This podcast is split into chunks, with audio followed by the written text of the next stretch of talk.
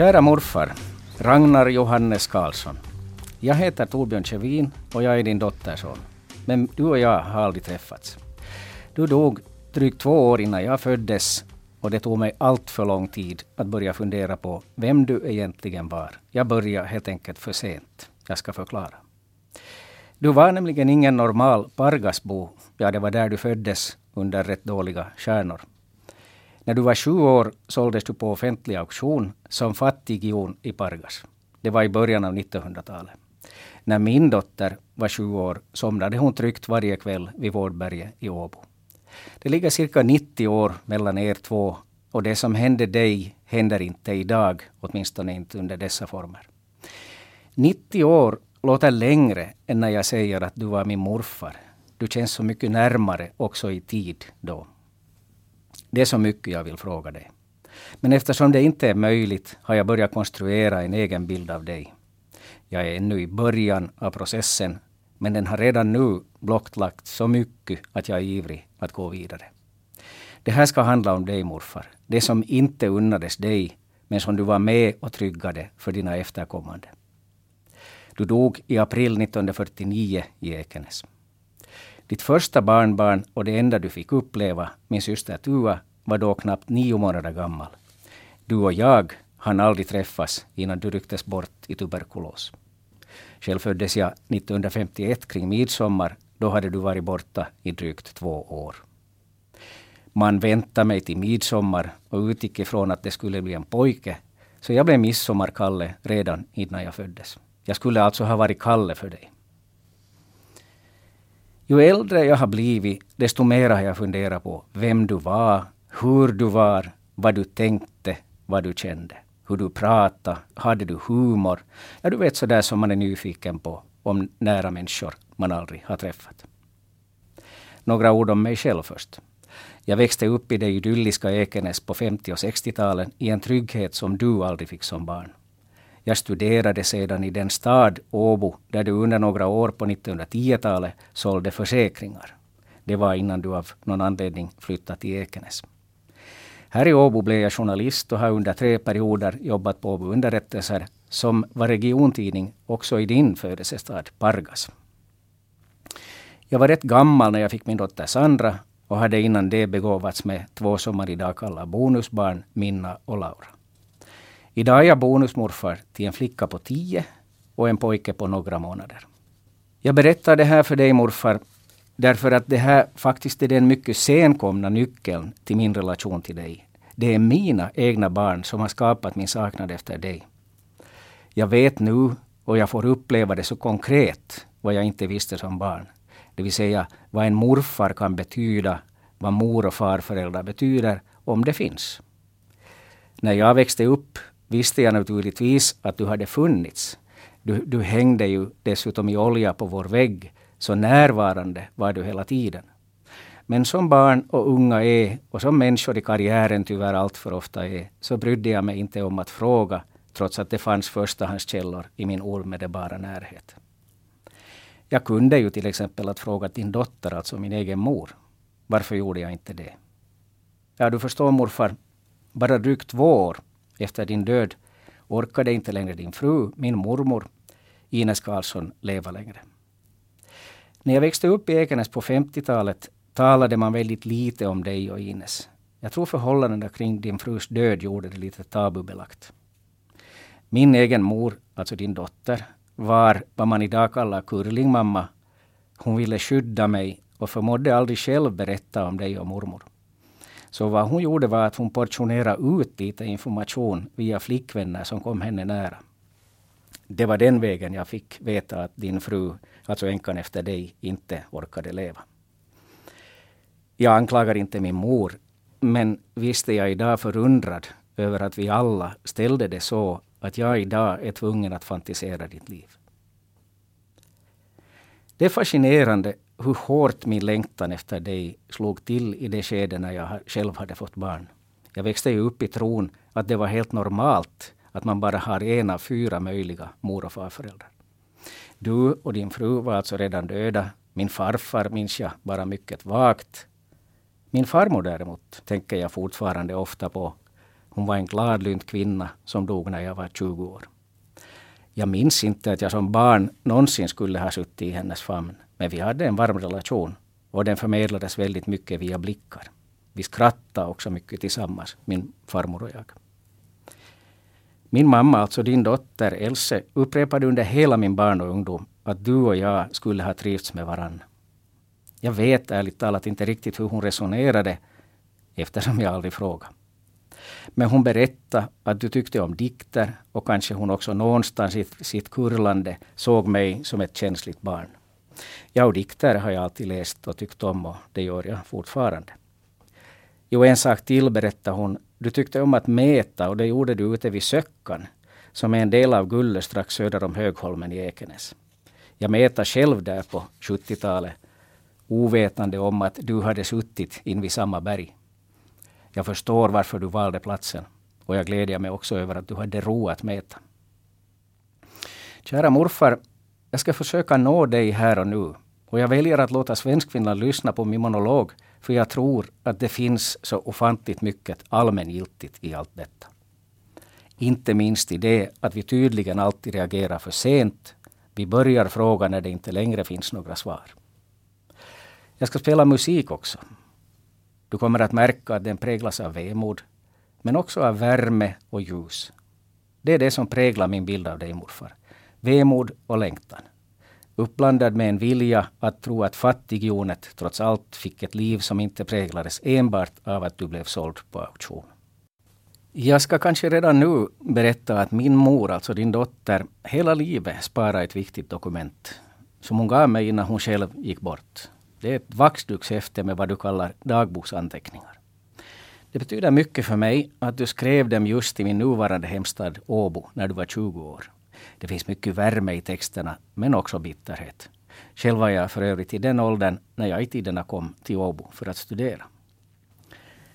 Jag nämnde att du skriver ut en bitterhet i dina anteckningar. Och du har förstås en orsak till det. När du var tre år följde du tillsammans med din mor din far till stranden i Pargas. Han mönstrade på ett fartyg och din mor hon visste att han aldrig skulle komma tillbaka. Hon grät på vägen hem och du förstod inte varför. Så blev du faderlös i en ålder av tre år.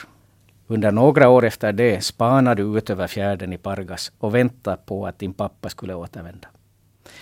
Och i mantalslängden i Pargas finns en lakonisk anteckning. Sjömannen Johannes Karlsson rymd. Han rymde alltså din far och det visste din mor om i den stund det skedde. I höst ska jag spåra upp dig, Pargas morfar. Jag ska försöka ta reda på var du bodde, vilken fjärden är som du talar om Alltså den fjärd som aldrig bar din far tillbaka.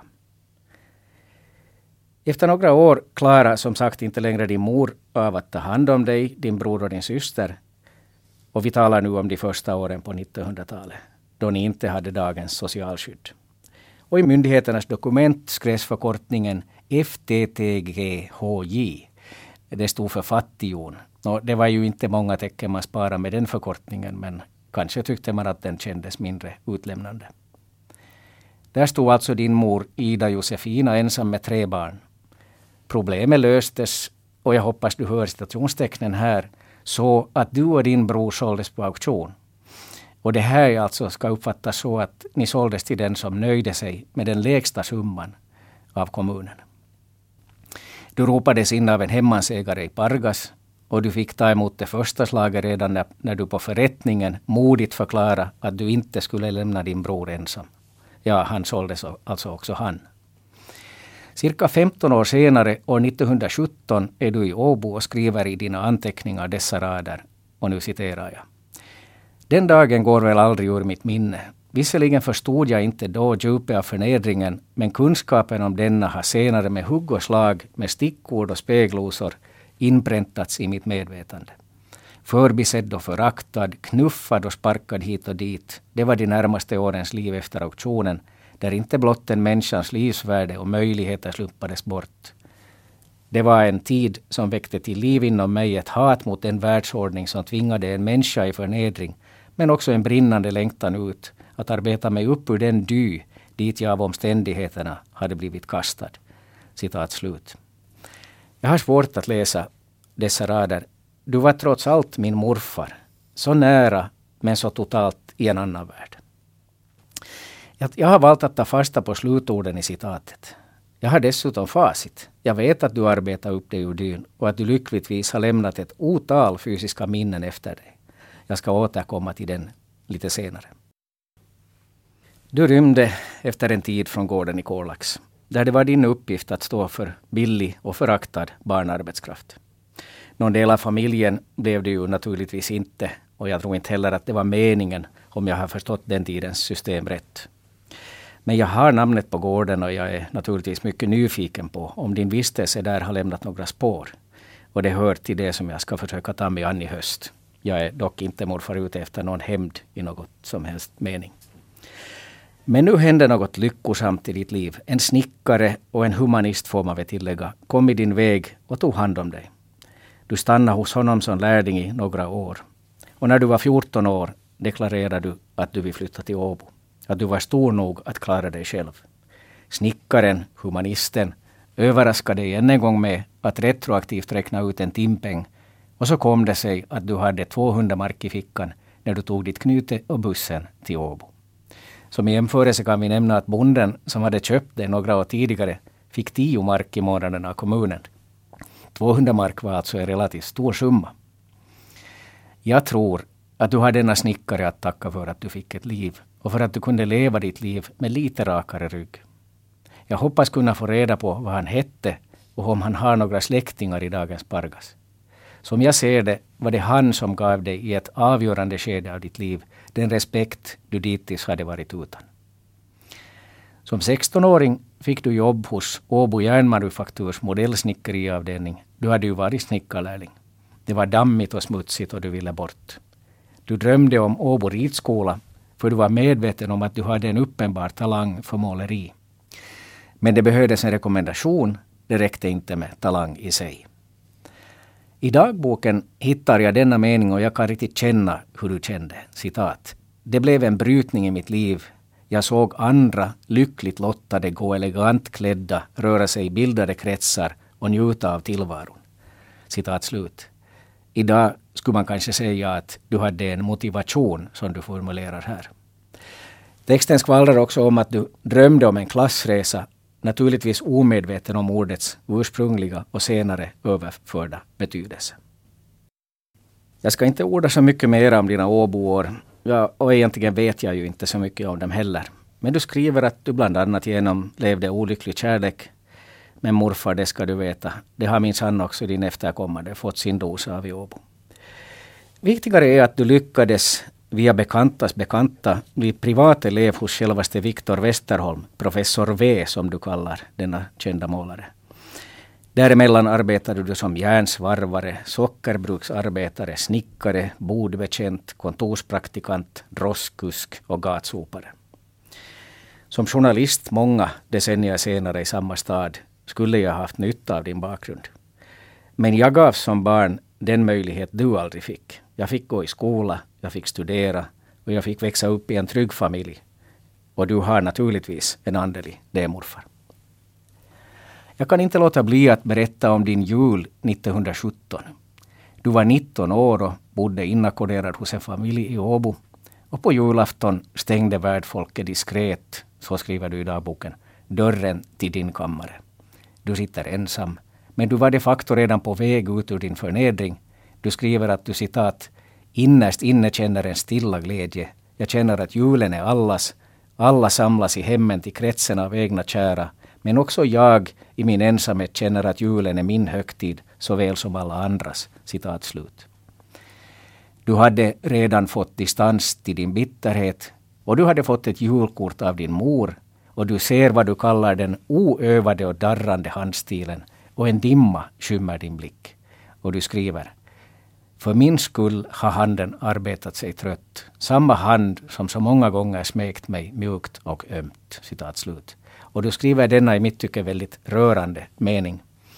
Julafton, fyll mitt hjärta med edel handlingskraft, att jag ej må svika de modersdrömmar som drömdes vid min vagga redan för många, många år tillbaka i tiden. Citat slut. Du hade antagligen inte haft mycket kontakt med din mor efter auktionen och det fanns ju inte heller på den tiden dagens möjligheter. Och dagboksanteckningarna igen tog slut ganska snabbt efter den här julen 1917. Ska jag tolka det mot mitt eget liv kan det faktiskt bero på att du hade börjat finna tråden. Du var så att säga på väg.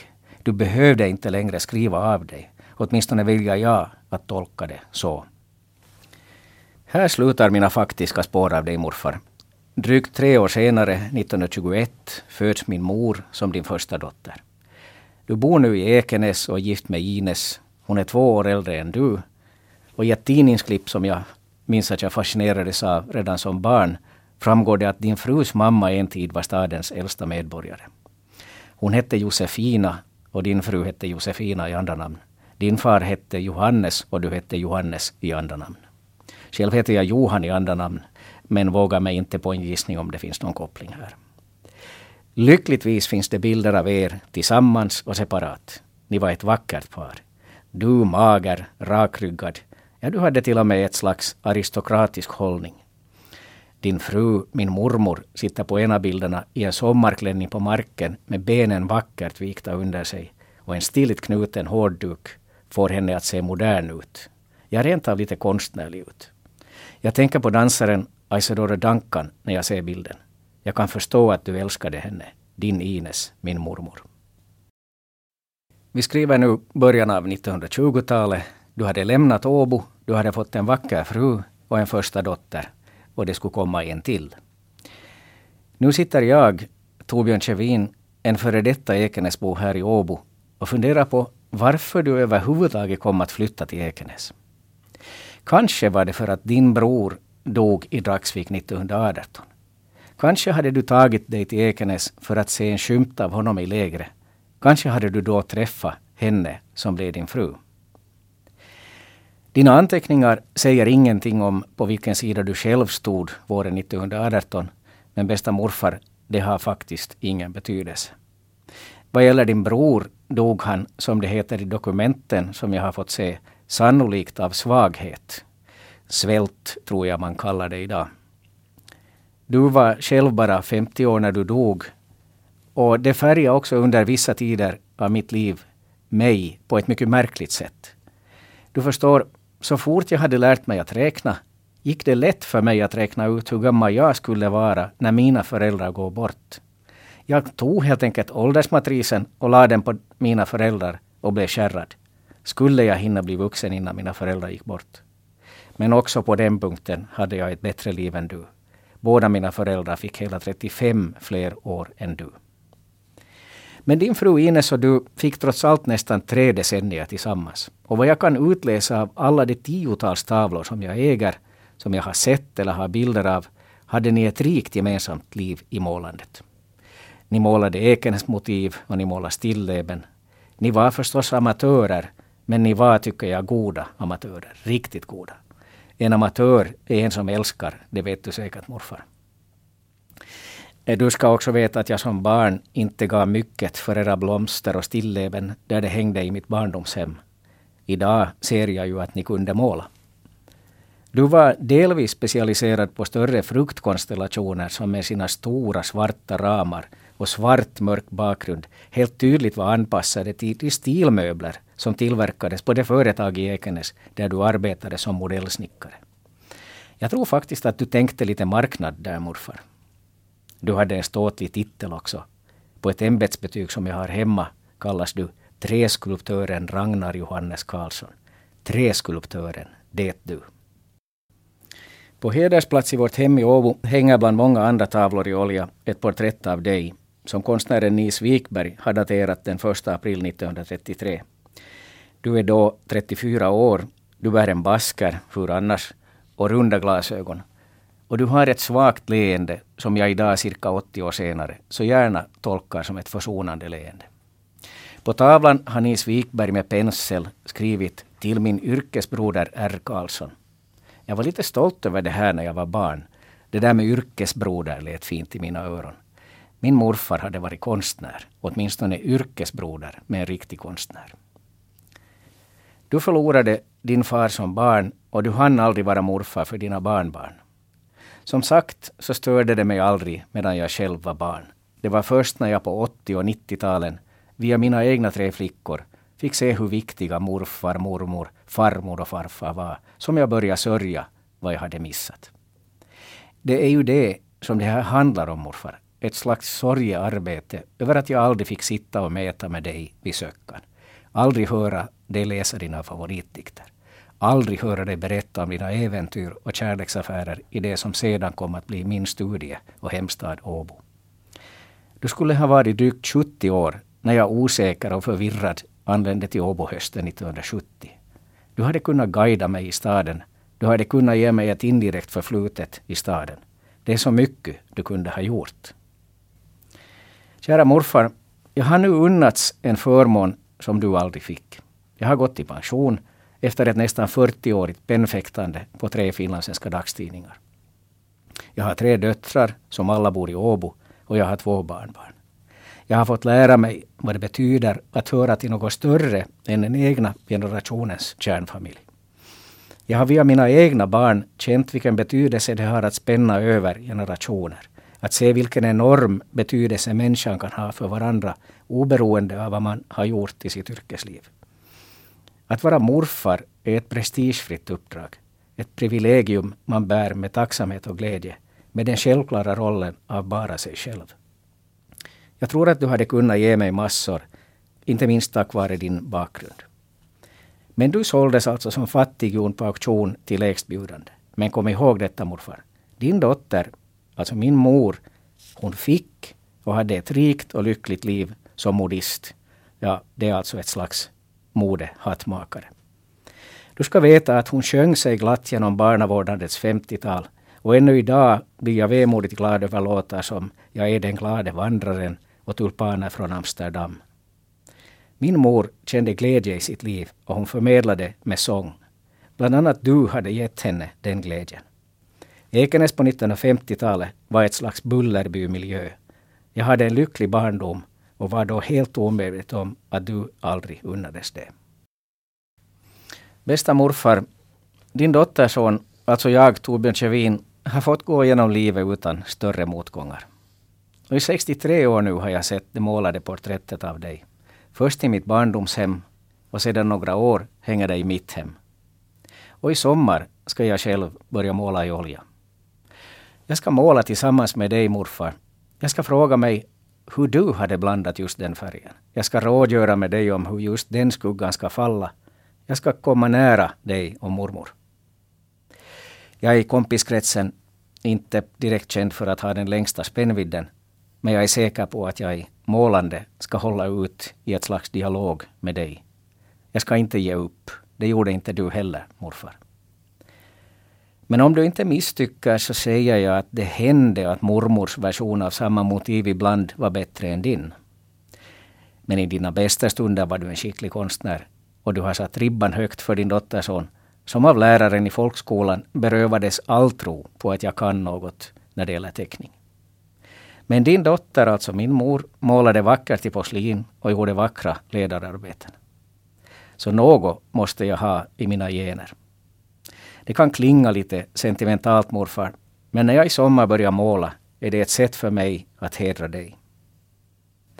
Märkligt nog är det här med ert målande på sätt och vis rätt nytt för mig.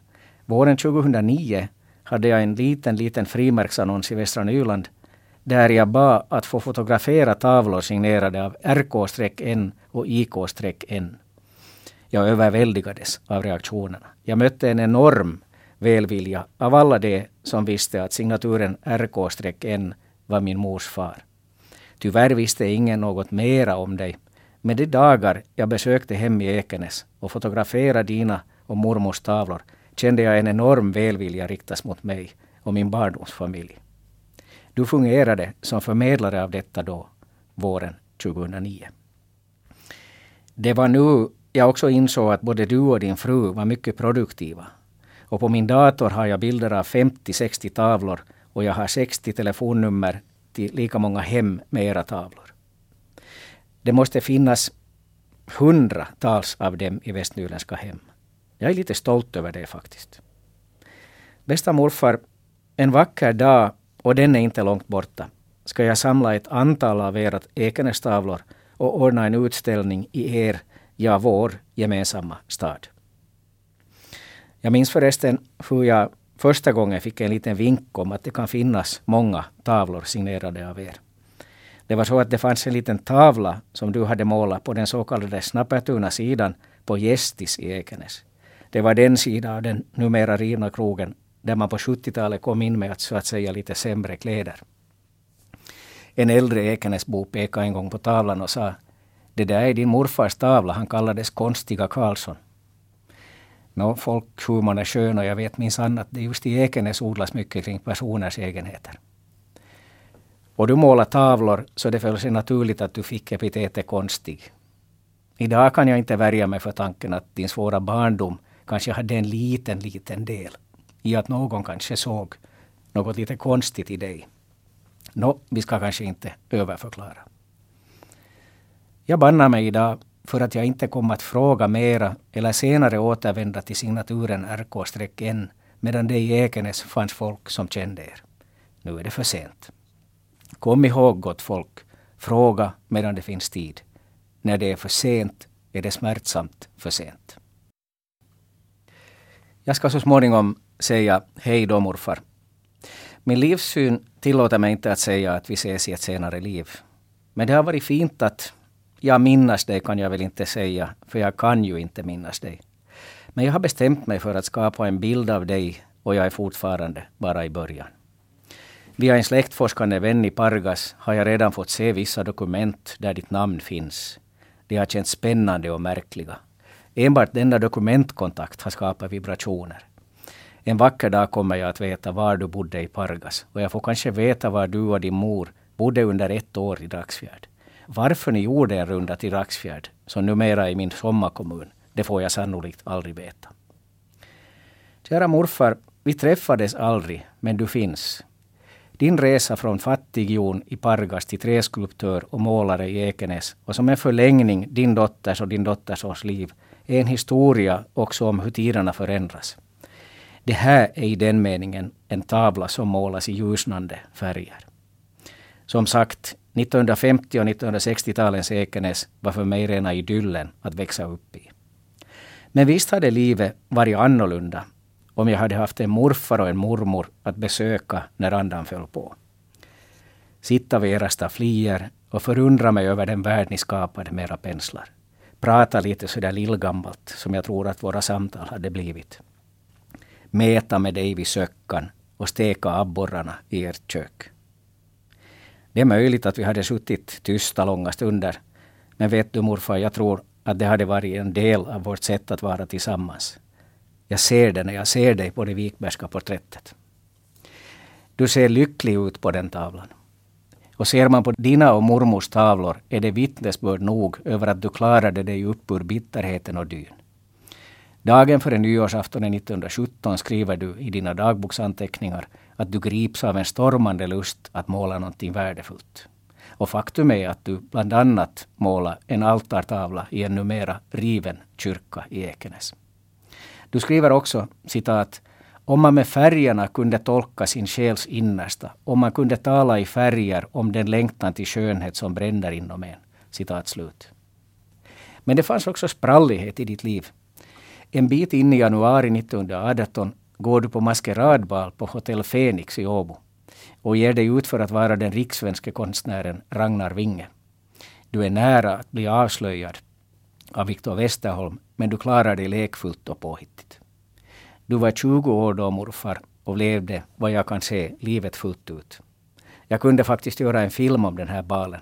Så intensivt har jag för mig själv visualiserat din roll på balen. För en roll var det ju. Kanske var det ett sätt för den som barn så hårt drabbade att fantisera sig upp ur dyn. Morfar, så här långt har jag kommit i mitt letande efter dig. Min bild av dig är inte sann i ordets klassiska mening, men den är min och jag vårdar den.